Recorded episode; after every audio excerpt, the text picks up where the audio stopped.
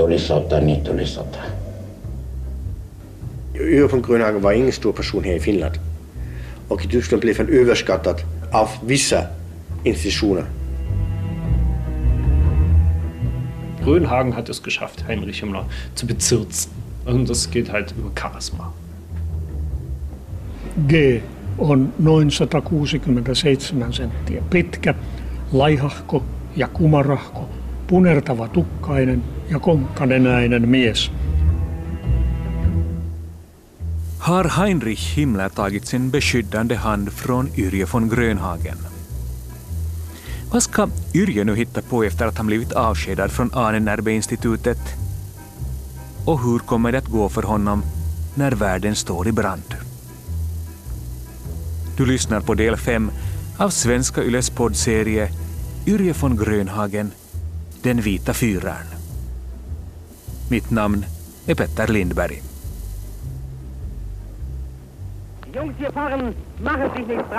Andra världskriget har brutit ut.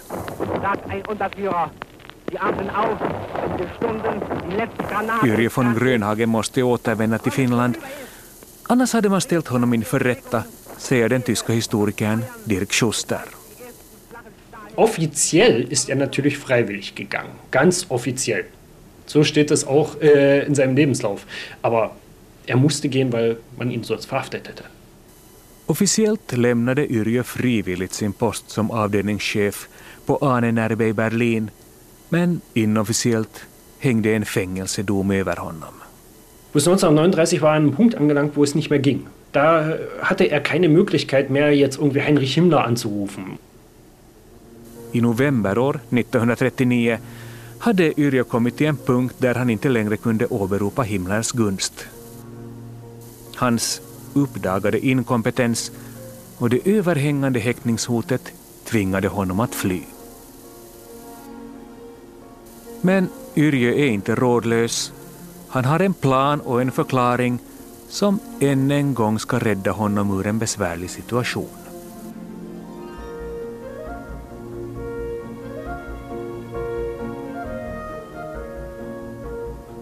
Er wollte sich dort in den Dienst des Vaterlandes stellen, um gegen die Kommunisten zu kämpfen, die jetzt gerade Finnland überfallen haben. So kann man das natürlich schön ins Positive deuten. Att påstå att han lämnade Tyskland för att kämpa för sitt fosterland mot bolsjevikerna låter naturligtvis bättre än sanningen om att han fick sparken.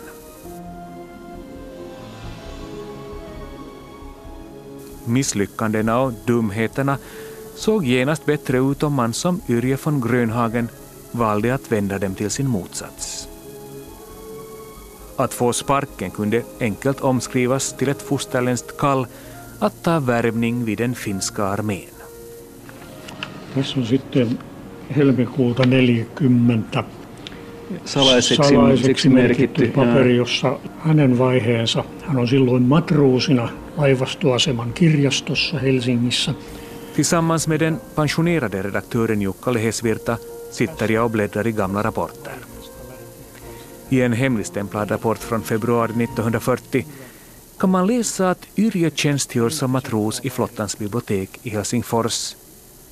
Men att han med sina språkkunskaper snart ska få en mer central roll i det politiska spelet.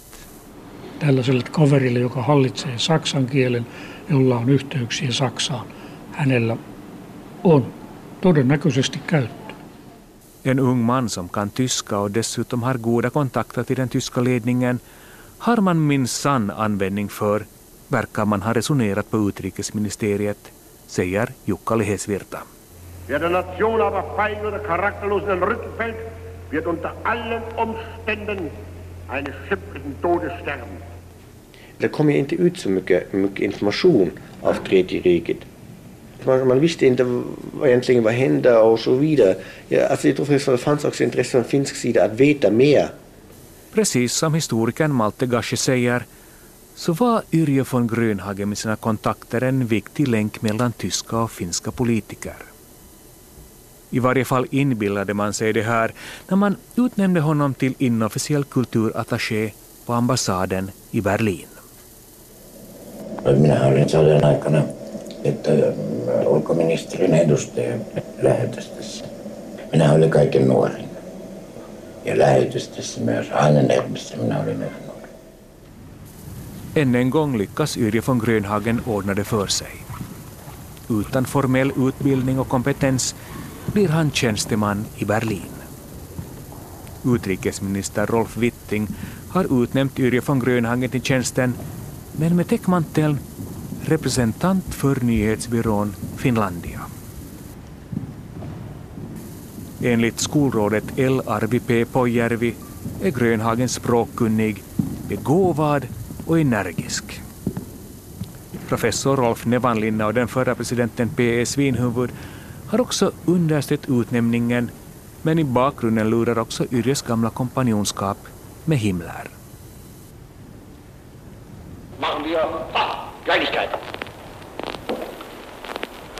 dann kommen Sie alle I boken Kolmannen valtakunnan vieraat skriver forskarna Markku Jokisipilä och Janne Könönen att utnämningen av den 29-åriga och förhållandevis okände von Grönhagen berodde på hans nära kontakter till Himmler, vilket också historikern Dirk Schuster bekräftar.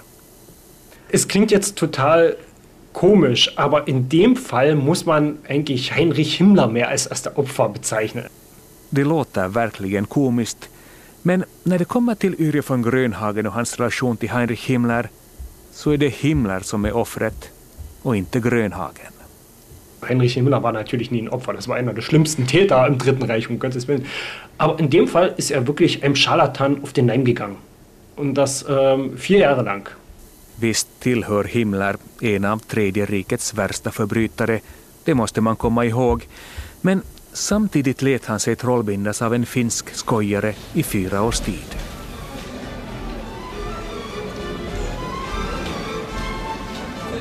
Yrje von Grönhagen har med andra ord återvänt till Berlin som segrare och kan fortsätta sitt extravaganta liv.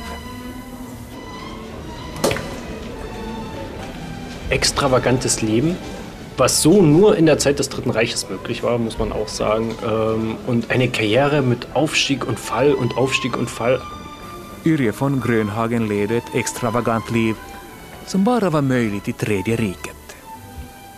Hans karriär var en ständig berg och dalbana och även om han sällan verkade veta vart han var på väg så siktade han alltid uppåt och åtog sig uppdrag även om han saknade förutsättningar för att klara av dem.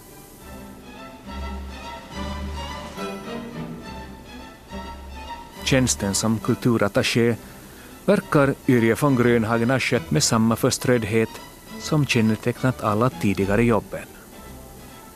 Yrje von Grönhagen verkade ha varit en sorglös typ som inte gjorde några långsiktiga planer utan var nöjd om han visste vad som skulle hända nästa vecka. Ich plane nicht die nächsten fünf Jahre, sondern ich bin froh, wenn ich weiß, was ich die nächste Woche mache. Men det finns i Helsingfors en arbetsgivare som inte är lika nöjd över att Yrjö verkar vara upptagen av helt andra saker än de han borde. Och att han dessutom utger sig för att ha större maktbefogenheter än han i själva verket har.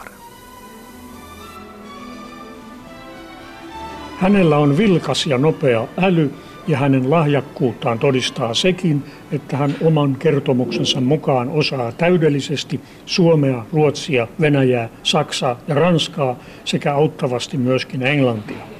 Kuitenkaan ei hänen arvostelukykyään voida pitää ensiluokkaisena, mitä todistaa sekin, että hänellä on aivan liian suuria suunnitelmia ja koko lailla suuret luulot itsestään. Helsingissä helmikuun 18. 1940 alla PK lienee Paavo Kastari. Yrje von Grönhagen är snabbtänkt och behärskar en massa språk. Men han saknar omdöme och har alldeles för höga tankar om sig själv, skriver juristen och ämbetsmannen Paavo Kastari i en hemligstämplad rapport från år 1940. Och Paavo Kastari är ingalunda den enda som uttrycker sitt missnöje över Yrjes arbete på ambassaden. Berliinin lähetystö oli kiusaantunut tästä Grönhagenin aktiivisuudesta ja, ja hänen toiminnastaan ohi lähetystön virkateiden ja, ja suhteiden. Sen vuoksi hänestä kai sitten helposti luovuttiin. På ambassaden i Berlin retar man sig på att Yrje von Grönhagen tog sig friheter och struntade i officiella tjänstevägar. Och rätt fort ville man på ambassaden också veta vilka uppgifter Yrje von Grönhagen egentligen utförde i Berlin, säger Jukka Lehesvirta. Herra Y. Grönhagenin toiminta. Viitaten yllä mainittuun kirjelmäänsä ulkoasiaministeriö pyytää lähetystöä tänne toimittamaan lausuntonsa herra Y. Grönhagenin toiminnasta Berliinissä. Ministeriö haluaisi tietää, katsooko lähetystö herra Grönhagenin toiminnan sellaiseksi, että hänen oleskeluansa olisi siellä määrärahoin jatkuvasti tuettava. Yrjö är aktiv och skapar kontakter till höger och vänster, men själva informationsförmedlingen till Finland verkar han helt försumma. Istället ägnar han sig åt förlagsverksamhet och skriver egna böcker där Finland utmålas som en arisk avkrok i norr. Also die, diese Bücher von Grönhagen aus der Nazi-Zeit, die, die waren so eine Massenware, die kriegt man heute noch in jedem Antiquariat för en euro. Böckerna som trycktes i massupplagor finns fortfarande i tyska antikvariat för en euro eller två och i dem framgår det fortfarande tydligt vem han sympatiserade med, säger Dirk Schuster. Men vid sidan av en framgångsrik bokutgivning ordnar han också konserter, blir chefredaktör för en finsk publikation i Tyskland och går tyska myndigheters ärenden genom att försöka stoppa utgivningen av antitysk litteratur i Finland. Elokuussa 1941 ollaan jo sodassa taas ja Grönhagen toimii Berliinissä, mutta Helsingissä ollaan hieman hermostuneita. I augusti år 1941 befinner sig Finland på nytt i krig. På utrikesministeriet håller man på att tappa tålamodet eftersom Grönhagen uppträder i Berlin som ministeriets specialutsände utan några som helst befogenheter. Ulkoasiaministeriö pyytää lähetystyä huomauttamaan herra Yrjö Grönhagenille, ettei hänen tulisi esiintyä ministeriön erikoisena edustajana kulttuurikysymyksiä varten Saksassa, kuten hän kirjeistään päättäen näyttää tekevän.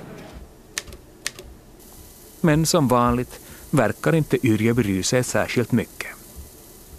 Er hatte wirklich diese Selbstüberzeugung, er ist ein großer Wissenschaftler, er ist der Messias. Yrje von Grönhagen var övertygad om att han var en framgångsrik vetenskapsman som förenade broderfolken mot den gemensamma fienden Sovjet. I ett kristet sammanhang skulle man kalla honom för Messias, säger Dirk Schuster och tillägger att Grönhagen väldigt skickligt och medvetet utnyttjade Himmler och andra finansiärer för sina egna syften. Han hade helt enkelt en väldigt övertygande och modern marknadsstrategi. Heute würden wir wirklich sagen, er hat eine perfekte Vermarktungsstrategie. Men på utrikesministeriet har man nu fått nog. Tähän samaan juttuun on valitettavasti myöskin kietoutunut kysymys herra van Grönhagenin toiminnasta täällä, aiheutuen se siitä, että hänen agenttitoimintansa on samanaikaisesti osoittautunut epäonnistuneeksi. I en brevväxling i augusti 1941 framgår det att ministeriet vill avskeda von Grönhagen eftersom man anser att han misslyckats med sina uppgifter att knyta kontakter mellan Finland och Tyskland. År 1942 är uppdraget på ambassaden definitivt över och än en gång tvingas Yrje von Grönhagen återvända till Finland.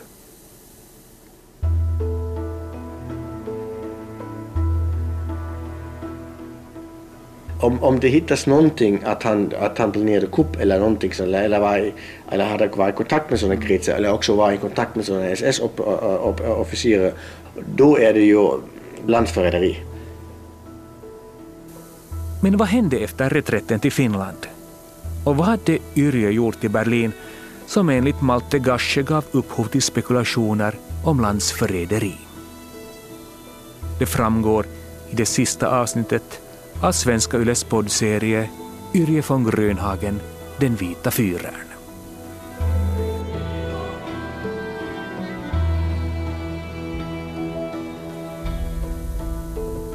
Du har hört det femte avsnittet av Svenska Yles poddserie Yrje von Grönhagen, Den vita fyren av mig, Petter Lindberg.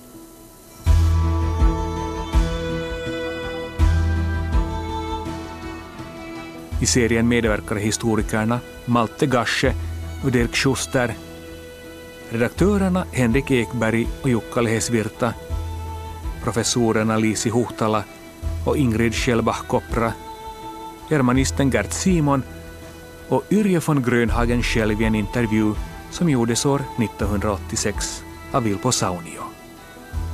För ljuddesignen stod Jyrki Häyrinen. Producent var Staffan von Mart.